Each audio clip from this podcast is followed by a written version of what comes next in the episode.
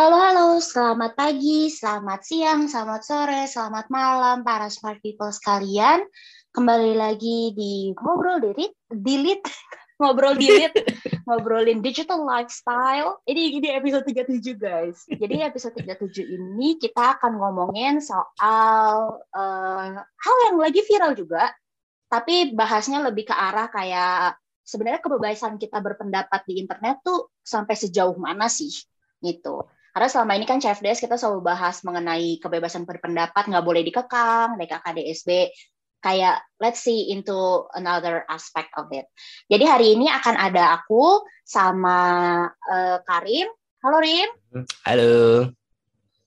Dan ayamnya Karim dia kembali lagi menjadi guest star hari ini gitu kan. Uh, kita akan mendengarkan mungkin perspektif hewani juga dari ayam Karim yang akan sedikit-sedikit berkomentar selama kita sedang mengobrol hari ini. Nah, mm -hmm. jadi yang viral itu adalah kalau misalnya smart people tahu ada namanya Safa Space. Kayak itu viral banget tuh, recording aslinya dua jam. Cuma yang viral ada satu potongan bagian saja gitu. Jadi kalau misalnya aku mau ceritain agak ya you need to know how certain th things work dalam stand to rim. Mm-hmm. Ya, mana sih cewek-cewek kalau misalnya ya cewek-cewek ya mungkin mungkin cowok juga ada kali ya I don't know tapi aku belum pernah lihat cowok yang kalau ngefans sampai kayak gitu kayak mungkin mungkin cowok ngefans cewek yang sampai kayak gitu tapi aku nggak juga sih belum pernah lihat ya, tanya itu adalah uh, tokoh utamanya ada dua nih guys Safa sama Flower. Keduanya bukan nama asli, jadi ya kita akan mengikuti keviralan ini saja.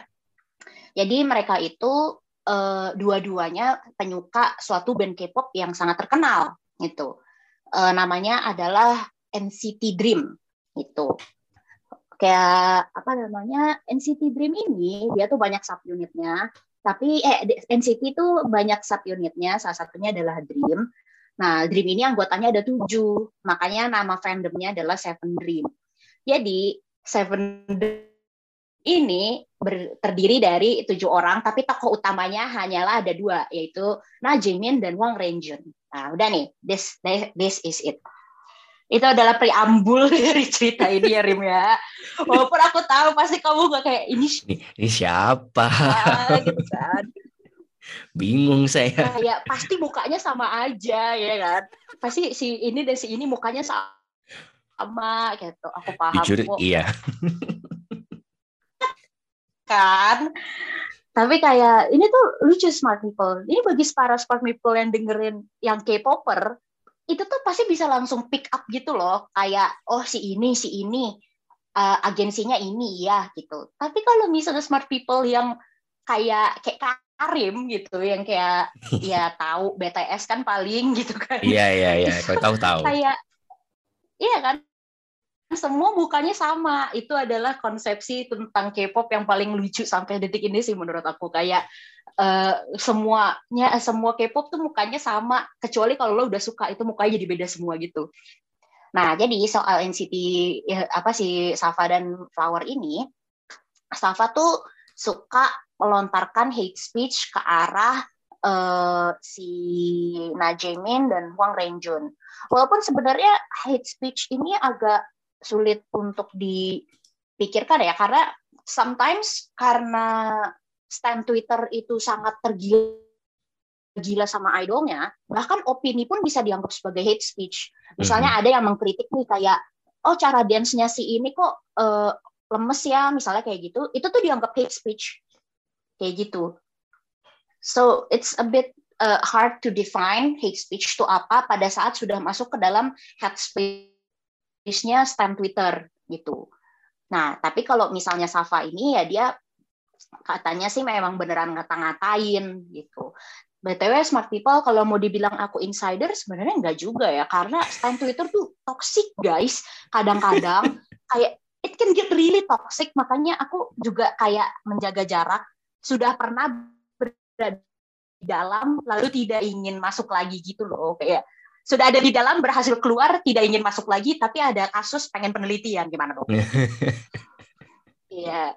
Jadi it's a bit hard. Nah, tapi intinya si Safa itu dia melontarkan hate speech kepada uh, Najemin dan Wang Renjun ini sehingga dibikinlah tuh suatu space Twitter space uh, dia mirip kayak clubhouse-nya Twitter gitu nggak sih? Uh, iya, ya, ya kan? Mm. Ya kayak cuma ngobrol santai gitu, gitu iya. Nah terus di apa Twitter ini namanya Safa Space gitu. Itulah tajuk keviralannya. Nah, di dalam Safa Space ini ya intinya orang-orang mengobrolkan kayak menyampaikan keluh kesah mengenai kayak Safa ini. Kenapa sih maksudnya fans-fansnya Man City Dream tuh nggak seneng aja dan orang yang ngata-ngatain uh, Jamin dan Renjun kayak gini, bla bla bla bla bla ya biasa aja sih sebenarnya. Nah tapi when it comes too far itu adalah muncullah tokoh utama kita yaitu Flower. si Flower, si Flower ini mungkin yang lebih viral di TikTok Flower daripada Safa sebenarnya. Yang kayak banyak tuh ibu-ibu umur 29, dosennya kader Golkar. kayak terus eh, kayak aku aku juga begitu bingung guys kayak apa hubungannya dosen gol eh, dosen kader partai iya. dengan uh, apa namanya ini per K-popan gitu tapi ya udah jadi habis itu si Flower ini tuh intinya naik pitam nih smart people dan Karim. Jadi kayak dia naik hmm. pitam terus dia mengeluarkan kayak tajuk cuplikan yang paling viral aku rasa. Itu adalah kamu jangan main-main ya sama Safa. Eh, eh Safa kamu jangan main-main ya sama saya ya. Jangan main-main kamu sama saya. Saya ini adalah mamanya, eh, saya sebagai mamanya Najemin dan Huang Renjun tuh nggak terima anak-anak saya diginiin. Ini tuh saya udah panggil advokat saya, bawa ke meja hijau. Kayak gitu. Kayak terus abis itu kayak intinya tuh dia mengeluarkan threat-threat uh, kayak ancaman-ancaman gitu loh, Rim. Kayak mm -hmm. apa namanya? Oh yang mau dicari bapaknya lah, terus abis itu mau di apa namanya pindah kerjain lah terus abis itu mau dibawa ke meja hijau terus ada ini ada ini highlight juga sih menurut aku dari space yang selama dua jam itu. Jadi highlightnya adalah si Flower itu mencoba untuk meyakinkan satu space itu bahwa yang dilakukan Safa terhadap Renjun dan Jamin itu jahat hmm. banget gitu. Kayak jahat banget sehingga bisa dibawa ke meja hijau. Dan dia bilang kan ngomong gini ini tuh uh, jadi tuh yang dilakuin Safa ini bisa termasuk UU eh, masuk dalam UU ITE ya teman-teman. Terus aku tuh kayak nggak bisa. What are you talking about? Nggak bisa. Gitu. Terus mau dipanggil advokat mau di ini kayak saya adalah perwakilan Najimin dan Wang Renjun jadi flowernya kayak gitu. Dan itu ngomongnya nggak sebaik-baik aku ya dia ngomongnya benar-benar menggila gitu. Hmm. jadi kayak dalam kasus ini tuh aku jadi berpikir kayak sebenarnya is it too far? Mm-hmm. I mean, gimana ya? Maksudnya negara kita kan juga pernah merasakan tuh yang berada di tekanan di mana orang-orang tuh die hard passionate banget untuk membela A dan membela B gitu kan. Kayak has it gone too far? Dan too far tuh kayak mana gitu loh. Kayak itu kayak menarik ya untuk didiskusiin. Bukan hmm. cuma dalam konteks si Safa Space ini aja ya, tapi lebih ke arah kayak kayak how far is too far sih sebenarnya? Mm-hmm. dan kenapa gitu? Kalau menurut lo kenapa Rim? Kenapa si Flower sampai segitunya? Kenapa Safa sampai segitunya juga untuk apa ya? um, kayak melontarkan mm, hate speech? Ini tuh kasusnya ini tuh cukup menarik ya karena apa ya uh, ada dua sisi gitu loh kayak benar-benar ada dua sisi. Jadi kayak at the same time kita melihat si Safa ini mungkin apa ya uh, melakukan hate speech kepada dua member NCT Dream ini. Tetapi kemudian yang jadi viral adalah reaction dari si apa uh, si Flower terhadap kelakuan si Safa which in this case adalah cuplikan dari dari omongannya dia yang di sama hmm. space-nya itu yang cukup viral kan.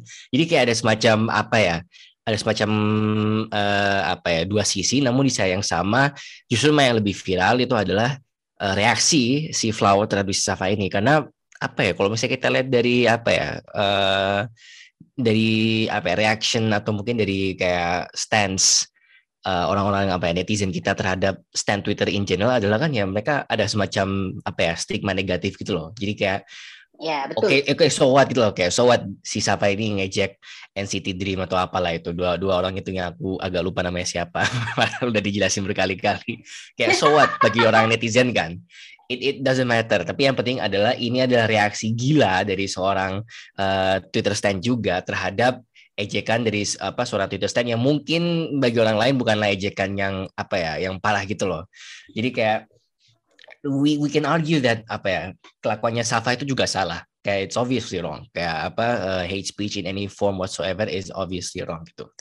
Tapi di saat yang sama karena ini adalah apa ya berhubungan dengan apa K-pop dengan Twitter stand yang apa ya bagi orang-orang awam orang-orang umum uh, netizen adalah suatu hal yang apa ya bukan fenomena menyimpang sih tapi kayak bagi mereka adalah fenomena yang aneh gitu loh karena juga at the same time kemarin sempat ada diskursus kayak apa ya fans bola is no different than fans K-pop karena mereka sama-sama rusuh dan gila in their own ways. But anyways, intinya itu adalah apa ya uh, kasus ini menunjukkan bahwa apa ya pun juga ada kasus yang serupa nih. Misalnya mau ada kasus uh, apa ya yang sama kayak Safa yang ada yang bikin kayak semacam hate speech tapi yang mungkin menuju apa ya menuju ke arah yang benar-benar ada dampak realnya itu aku rasa selama akan ada reaksi yang seperti flower ini, justru reaksi dari flower tersebut yang akan jauh lebih viral daripada nggak hanya lebih viral tapi lebih diketahui daripada the actual case yang sedang dipermasalahkan oleh orang-orang ini. Karena ya apa ya kalau kalau dilihat dari kata-kata perse yang dilakukan eh, yang di, diucapkan oleh si flower ini ya cukup hiperbolik gitu loh dan dan out of context dalam apa ya dalam ranah K-pop itu loh. Kan ya kalau kita ngomongin K-pop ya udah K-pop stand. Tapi tahu-tahu sini sebut ada kader Golkar sini sebut ada polisi disebut ada apa ada apalah ada inilah kayak things that you would not associate dengan K-pop gitu loh. Tiba-tiba muncul di omongan K-pop langsung akan digoreng oleh netizen. Karena ya lucu gitu loh. Dan ya evidently muncul tuh berbagai apa memes yang ada di TikTok lah yang ada di Facebook lah dan sebagainya. Dan apa ya mau mau dibilang ini adalah hal yang unexpected juga ya sebenarnya expected gitu loh. I think apa ya menurutku ini adalah uh, suatu reaction yang appropriate terhadap apa dari netizen terhadap kasus ini. Tapi saat yang sama ya it alienates the real issue gitu loh bahwa ini berangkat dari isu ujaran kebencian gitu loh yang di mana apa pun bentuknya itu adalah suatu hal yang berbahaya gitu loh. Pun juga target dari ujaran kebenciannya ini adalah uh, para K-pop idols yang nun jauh di sana yang mungkin mereka nggak tahu kalau mereka sedang di, di, diperbicarakan gitu loh. Kayak aku bayangin aja kalau misalnya apa anda seorang K-pop idol terus tiba-tiba dapat kabar kalau ada yang membela anda dan itu ada dan dengan sebutan kayak dia adalah apanya polisinya apanya lah. Jadi kayak it, it seems bizarre gitu lah it seems bizarre tapi kayak uh, apa ya dari pengamatan orang luar yang juga memiliki banyak teman-teman dari apa stand Twitter ini menurutku bukan apa ya bukan fenomena yang langka. Ini hanyalah apa ya eh, apa satu tetesan air di lautan drama K-pop stand yang sering sekali ditemukan nggak hanya di Twitter, nggak hanya di TikTok, nggak hanya di Facebook, tapi juga di dunia nyata gitu loh. Dan karena ini bisa melanda ke dunia nyata, maka itu sangat berbahaya any forms of hate speech apa pun itu sangat berbahaya. Dan apa ya dan aku nggak tahu ya kalau mau dibilang kayak sampai sejauh mana sih kita bisa mentolerir ini. Karena menurutku uh, the fact that hate speech is this itu adalah suatu hal yang tidak bisa kita tolerir tapi kayak ya kita nggak bisa kontrol semua pengguna sosmed juga kan. Kayak kita juga nggak bisa kontrol ucapan para K-pop stan juga kan. Dan seperti yang Mbak Ines bilang kayak dari apa ya meskipun apa ya kita bisa condemn hate speech tapi kayak di saat yang sama ya hate speech ini juga butuh konteks gitu loh. Dan dalam apa dalam isu-isu K-pop scene ini kan ya kita juga nggak bisa tahu kayak mana yang disebut apa hate speech mana yang enggak karena yang sering aku lihat adalah khususnya di di, di K-pop Twitter stand ini ya kayak nggak tahu kalau di Facebook atau di mana tapi kayak di Twitter ini kayak sering banget loh. Meskipun mereka dalam satu apa ya dalam satu fandom memiliki satu uh, bias dan sebagainya itu mereka apa ya out for each other's throat gitu loh. Kayak ada pun satu ucapan atau apa dari satu orang uh, K-pop stand yang mungkin itu terkesan salah atau terkesan blunder langsung digoreng oleh kaum mereka sendiri gitu loh. Seperti yang Mbak tadi bilang tuh kayak oh ini kok apa si dance ini kelihatan lemes atau apa gitu. Ih, langsung langsung bakal di apa digoreng dan dikata, dikatain apa kita kita banyak pikir kayak pasti dikatain sama orang-orang lain kan tapi enggak dikatain oleh their own fandom gitu loh. Jadi makanya kayak susah untuk bisa apa ya gauge apakah ini adalah uh, appropriate reaction terhadap satu kasus ujaran kebencian karena kita juga bisa lihat kayak apa ya the fact that si flower ini reaksinya seperti ini makes you wonder kayak emang si Safa ini separah apa sih ujian kebenciannya itu? Itu yang pertama yang aku mikir ya waktu aku dengan kasus ini kayak saya udah terbiasa kan saya kayak lihat banget tuh di Twitterku kayak ada yang lagi gelut lah atau apalah dalam isu-isu khususnya BTS sih karena itu yang paling umum dilihat di sosial media mana pun makanya aku mikir kayak oke okay, ini adalah reaction uh, orang terhadap uh, ejekan uh, untuk biasnya gitu. So I wonder kayak how bad was it gitu loh. Aku nggak mau bilang kalau aku apa sepakat bahwa apa Safa ini nggak bersalah, kemudian reaksi Flower ini berlebihan, tapi melihat dari apa ya kasus yang sering-sering terjadi dan sebagainya itu menurutku apa ya agak agak susah untuk mengkontekstualisasinya kan dalam kasus K-pop ini loh karena benar-benar apa ya unik sih menurutku it's it's it's very unique karena apa ya um, bisa lintas negara gitu isunya. Untung ini jajannya tuh kayak dalam bahasa Indonesia gitu lah. Aku nggak bisa bayangin kalau misalnya mereka pakai bahasa Inggris gitu loh. Yang ngegoreng nggak cuma stand-stands yang ada di Indonesia, tapi kayak bisa aja seluruh dunia itu kayak ngegoreng isu ini sampai kayak benar-benar jadi viral gitu loh. Aku aku nggak tahu ya punya contoh atau apa yang ada di benak aku sekarang ini, tapi kayak it, it's not uncommon gitu loh kayak keblunderan satu kata pun atau kayak apa ya salah apa salah frase atau apa pun di dalam K-pop stand ini kemudian bisa diputar balik oleh orang-orang untuk menyudutkan itu loh. Jadi kayak aku nggak tahu apakah ini adalah uh, murni keunikan dari para apa K-pop stands atau apakah ini adalah suatu hal yang intrinsik dalam manusia dan nggak nggak ada bedanya dengan fans-fans lain. Tapi menurutku ini adalah suatu apa ya hal yang toksik gitu loh sangat-sangat toksik dalam uh, bersosial media itu loh. Seolah-olah bahwa ucapan apa pun itu harus memiliki makna yang sebenarnya dan tidak boleh ambigu dalam artinya gitu. Dan tidak bisa kemudian di apa ambil ulang kata-katanya dan diubah menjadi sesuatu oleh orang lain loh. Which means it hampers apa ya freedom of speech in a way gitu loh. Either kamu nggak ngomong dan aman atau kamu ngomong tapi ada possibility untuk digoreng gitu. Dan menurutku itu adalah suatu hal yang apa ya a, a, apa ya nggak nggak nggak nggak semestinya kayak gitu loh kayak kita semestinya tuh kayak fokus ke ketika emang ada orang yang ngomong jelek oke okay, that's that's an infringement of apa freedom of speech karena itu mungkin merugikan orang lain. Tapi ketika di, hanya hanya ada seorang yang kayak ngomong biasa aja, kayak misalnya kayak oh aku suka makan bakso nih, terus kemudian ada yang reply, oh berarti kamu nggak suka sama soto ya gitu. Kamu ada masalah apa dengan soto? Emang soto pernah ngapain ke kamu? Gitu gitu kan kayak sering terjadi di Twitter itu loh, kayak pemutaran kalimat dan kata yang is not even there tapi kayak somehow it's there itu menurutku yang jadi kayak semacam infringement of freedom of speech gitu loh.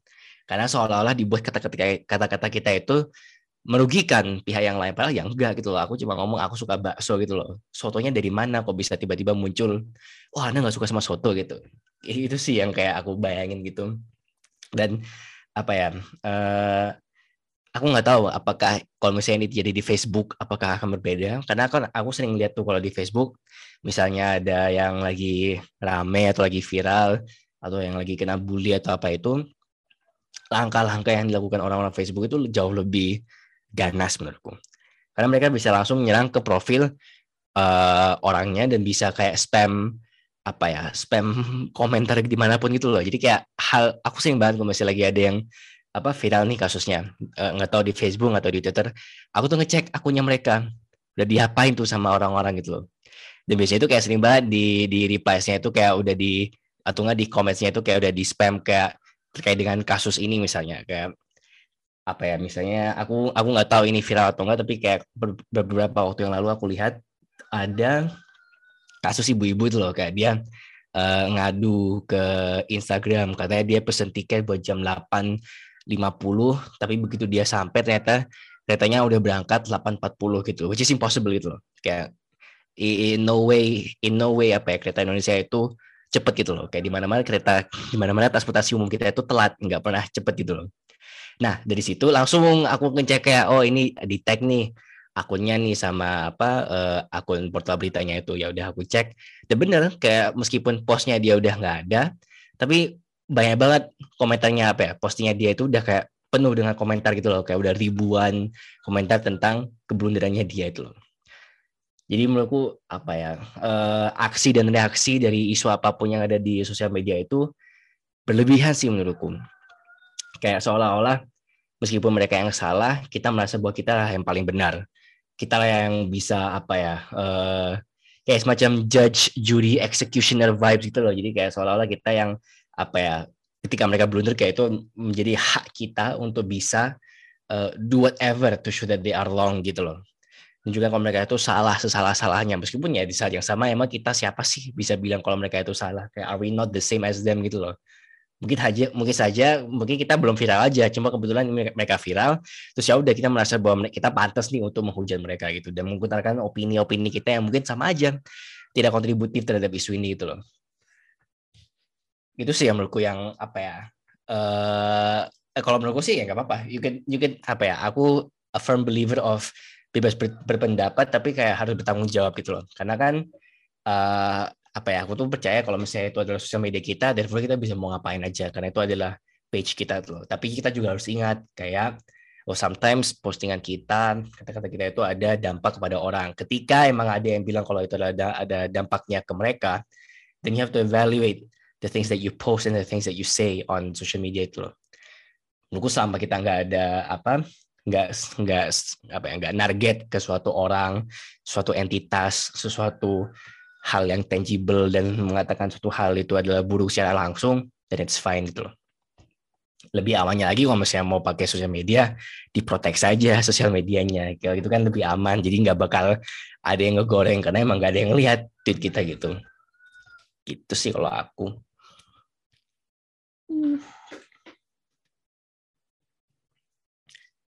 Tapi kalau misalnya apa ya kasus-kasus viral yang lain sih aku belum melihat sih. Emang kayaknya kalau misalnya yang viral itu selalu apa ya selalu K-pop K-pop stand sih. Kalau dari Mbak Ines pernah lihat pernah lihat nggak sih kayak kasus lain atau apa gitu? Oke, kasus lain uh, sebenarnya aku rasa dia nggak se kayak sekepop Twitter eh, mungkin nggak seviral atau nggak sedekat ke kita ke seperti halnya K-pop uh, stance. Tapi aku kan ngikutin banget Formula One kan dan baru-baru ini aku mengaktifkan lagi Twitter karena aku mau uh, at least aku pengen tahu lah berita-berita mengenai Formula One di Twitter gitu. Nah, hmm. Itu tuh sebenarnya mirip-mirip juga ada tim kan ada kayak misalnya tim Lewis Hamilton, tim Max Verstappen, tim kayak nama-nama drivernya gitu. Nah itu ngata-ngatain juga sering gitu. Maksudnya setiap kali ada apa namanya uh, ada deh yang sedih banget Max tuh sampai dikatain human error champion kayak gitu-gitu kayak uh, pokoknya setiap kali ada terjadi sesuatu dalam balapan yang kayak aneh quote to quote mm -hmm. itu tuh salah drivernya which kayak halo gitu kayak yeah, yeah, yeah hey mana mungkin gitu itu terjadi. Apakah dia literally kayak ada deh yang kocak pernah ada suatu insiden di mana uh, ada satu pembalap jadi uh, pada tahun 2021 titel titel uh, juara dunia tuh dikonten sama Hamilton dan Verstappen gitu kan. Terus Hamilton uh -huh. ini timnya namanya Bottas. Nah suatu uh, suatu balapan itu Bottas kayak nggak ada angin nggak ada hujan kayak apa namanya nabrak sampai tim Max dan temennya dua-duanya tuh ini apa namanya kayak keluar lintasan dan mobilnya rusak. Hmm. Gitu. Terus menurut kamu itu yang salah siapa? Aku hmm, susah sih untuk bilang siapa yang salah. Jujur karena nggak ada yang salah itu kan kecelakaan. Iya, iya. Ah, itu kan gitu kan accident kan? Iya, makanya iya, kayak apakah literally bisa kayak ini pakai logika orang normal aja ya. Apakah seorang pembalap yang dia juga pengen menang gitu iya. sengaja kayak oke okay, akan gue tabrak si Ono sampai dua-duanya keluar lintasan dalam mobil iya, iya. berkecepatan 200 km per jam at average kayak mm -hmm. mustahil menurutku ya cuma menurut ininya menurut akun-akun kayak penggemarnya itu tuh bisa benar-benar wah ini strategi nih ini strategi dari tim A nih untuk mengeluarkan main rivalnya dari contention kayak gitu-gitu. Terus aku kayak ini agak mustahil ya. Masalahnya kalau aku nggak tahu itu nature manusia kalau di timelineku rata-rata orang Meksiko sama orang Inggris sama orang Spanyol jadi banyak batu bahasa-bahasa yang aku bahkan tidak bisa baca tapi ada di hmm. timeline aku gitu.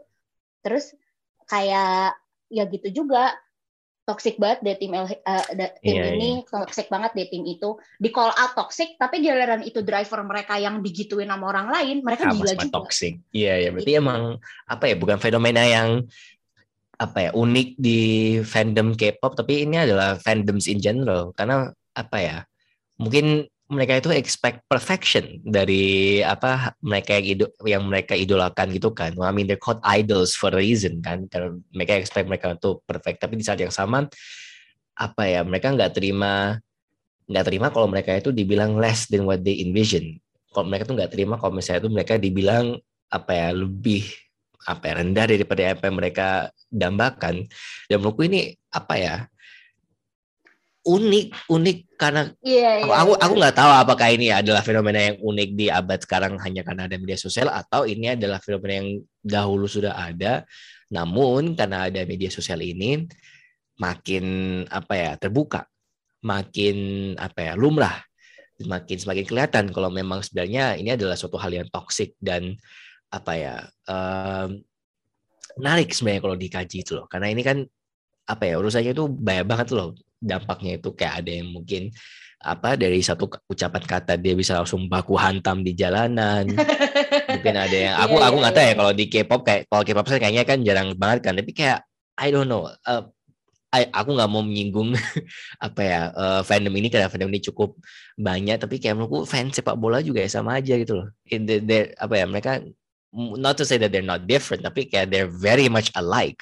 Sangat mirip dengan apa ya uh, fandom K-pop yang mungkin mereka melihatnya itu dengan tatapan aneh itu loh. Tapi di saat yang sama kayak look you apa ya kayak you looking at a mirror gitu loh. Kamu cuma bercermin aja kayak kamu merasa aneh karena ini apa ya mereka mengidolakan apa ya ya para idol gitu loh. Maksudku kayak para para apa penari penyanyi dan sebagainya. Kayak kamu apa mereka melihat K-popers kayak mungkin mengidolakan suatu hal yang apa ya sama-sama nunjau dan mustahil untuk diga apa di apa dilihat gitu. Tapi saat yang sama kayak fans sepak bola juga sama aja gitu loh. Kayak you think kamu ngestand Cristiano Ronaldo, therefore kamu bakal bisa ketemu dengan dia atau kamu atau apa kayak no, kayak sama aja gitu loh. Dan reaksi mereka juga sama-sama not to say lebay tapi kayak sama-sama apa ya eksplosif gitu loh. Yang iya, kemarin yeah, tuh yeah. loh yang yang apa aku nggak aku benar-benar gak ngerti sepak bola tapi kayak ada pokoknya ada siapa itu sepak bola atau apa lagi itu yang lagi sholat Jumat di masjid mana. Dan itu kan oh, juga sama-sama. Nah ya siapalah itu. Aku benar-benar out of touch and I don't care. Not to say that it's bad. Kembali lagi aku nggak mau kena roasting juga nih sama apa fans sepak bola. Tapi kayak I'm just looking at this as a as a neutral standpoint. Ya orangnya sama-sama rame di situ loh. Kayak yeah. bener-bener sama berkerumpulan rame-rame mendesak-mendesak. Kayak nggak ada bedanya dengan para K-pop stans yang ketika idol mereka ya sorry ini agak ada background sound semoga-moga nggak terlalu lama intinya kayak aku mau bilang kayak nggak ada bedanya dengan apa K-pop stans ketika idol mereka masuk ke bandara terus kemudian ada banyak fans yang nunggu di bandara kayak no different it's no different Iya sih, sih. benar sih. Kayak apa namanya? Aku tuh agak uh, bukan dibilang kurang paham ya. Jadi itu sebenarnya ada suatu I think there's a reason kenapa jadi kayak gitu gitu. Kenapa orang tuh personal banget? Kayak maksudnya kan dibawa ke, perso ke ranah personal banget kan. Kalau misalnya idol Anda itu kayak idol tuh bisa siapa pun ya, nggak cuma K-pop idol. Misalnya kayak aku Formula One driver. Kalau misalnya tadi Karin bilang pesepak bola yang banyak fansnya, itu tuh kayak it could get very personal karena ada satu fenomena ada namanya parasocial relationship. Jadi yeah. parasocial relationship itu adalah pada saat di mana eh, satu orang kayak individu tuh merasa sangat dekat dengan idolanya karena uh, mereka tuh melihat cuplikan cuplikan-cuplikan dari kehidupan personal para idolanya itu. Dan hmm. kenapa K-pop tuh jadi ini banget ya kayak kenapa K-pop tuh yang paling dekat dengan kehidupan kita semua aku rasa maksudnya kayak kayak aku aku nggak begitu peduli sama sepak bola sehingga aku tuh tidak terpapar dengan kehidupan personalnya let's say Cristiano Ronaldo gitu aku nggak tahu tapi kalau K-pop mereka itu tuh memang aku rasa memang di market dengan cara seperti itu. Hmm. Jadi kayak banyak tuh acara-acara mengenai dorm life-nya para K-pop idol. Pak jadi benar-benar tahu tuh di kamar mereka tidur sama siapa, di kamarnya ada apa, kasurnya kayak gimana. Itu tuh tahu gitu. Jadi jadi berasa deket banget. Makanya sih kembali ke kasus awal tadi si Flower ini bisa merasa gue adalah mamanya Jamin dan Renjun tuh bagaimana padahal nama Anda tidak ada di kayak akta kelahiran mereka gitu kan. Yang di mana hurufnya juga Hangul gitu. Tidak akan ada tulisan flower di situ tuh nggak ada gitu.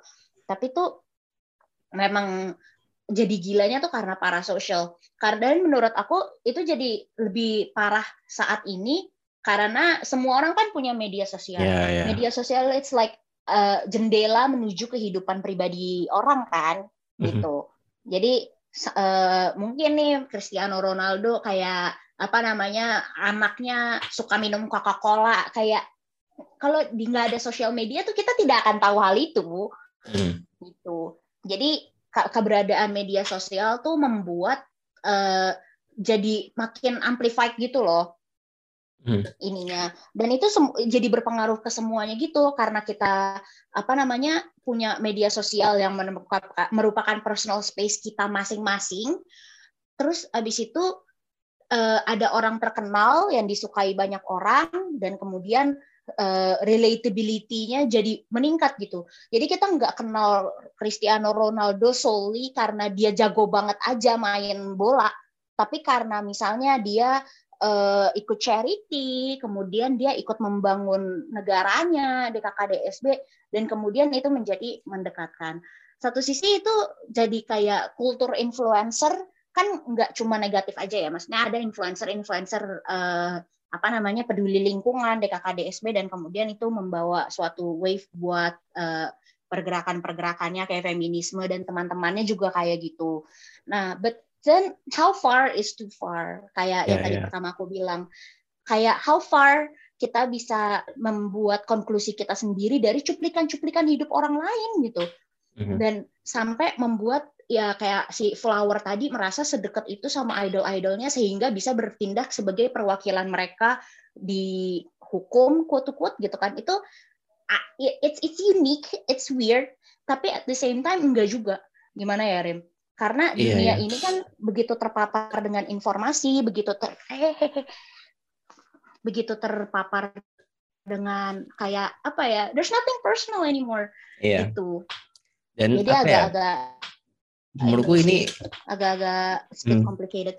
Menarik sih kalau misalnya ini kita bisa bahas di apa podcast selanjutnya mungkin ya kayak ngomongin para social relationships and social media karena apa ya menurutku mungkin ini agak agak off topic lagi ya karena kita ngomongin para social relationships tapi kayak mungkin aku mau apa kayak simpulin dulu terus kita bisa lanjut ngomongin ke masalah apa freedom of speech. Anyways, kayak menurutku apa ya ya karena faktor pandemi gitu loh menurutku kita hmm. melihat ini tuh kayak benar-benar jauh lebih apa ya it's down up to 11 karena ya pandemi kan kita ya kesepian yeah. kita banyak waktu apalagi awal-awal pandemi kan kita kan juga apa ya yang ketika kita masih eh, apa ya adjust kepada uh, online learning sama online work kan kayak kita uh, apa ya di ombang-ambing kebingungan itu loh kayak mau produktif tapi juga kita di rumah terus jadi kayak that's why kita mungkin ada apa ya ada banyak banget bukannya apa ya fans-fans baru dan kayak mereka berbeda konsum konten-konten ini seolah-olah mereka itu adalah apa ya orang yang dekat dan kenal sekali dengan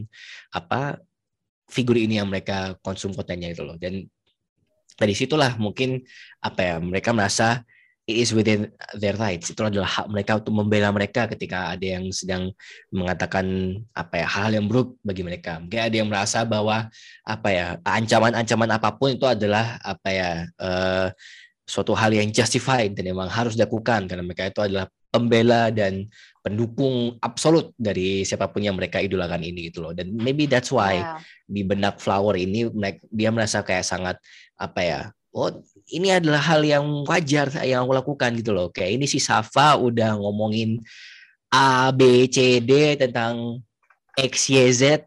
Therefore aku juga mm -hmm. ngomong FGH gitu loh. Kayak bakal bakal apa ya it, karena ya mau mau bilang halu juga bukan. Karena iya iya. at the end of the day kita semua juga halu gitu loh. Kayak let's face it kayak kita halu in our own ways gitu loh. Kayak mungkin ini bisa jadi kayak topik kembali lagi. Ini mungkin bisa jadi kayak topik buat podcast kita selanjutnya ya. Kayak para social relationships. Kayak mungkin diam-diam aku ada nih para social relationship sama apa?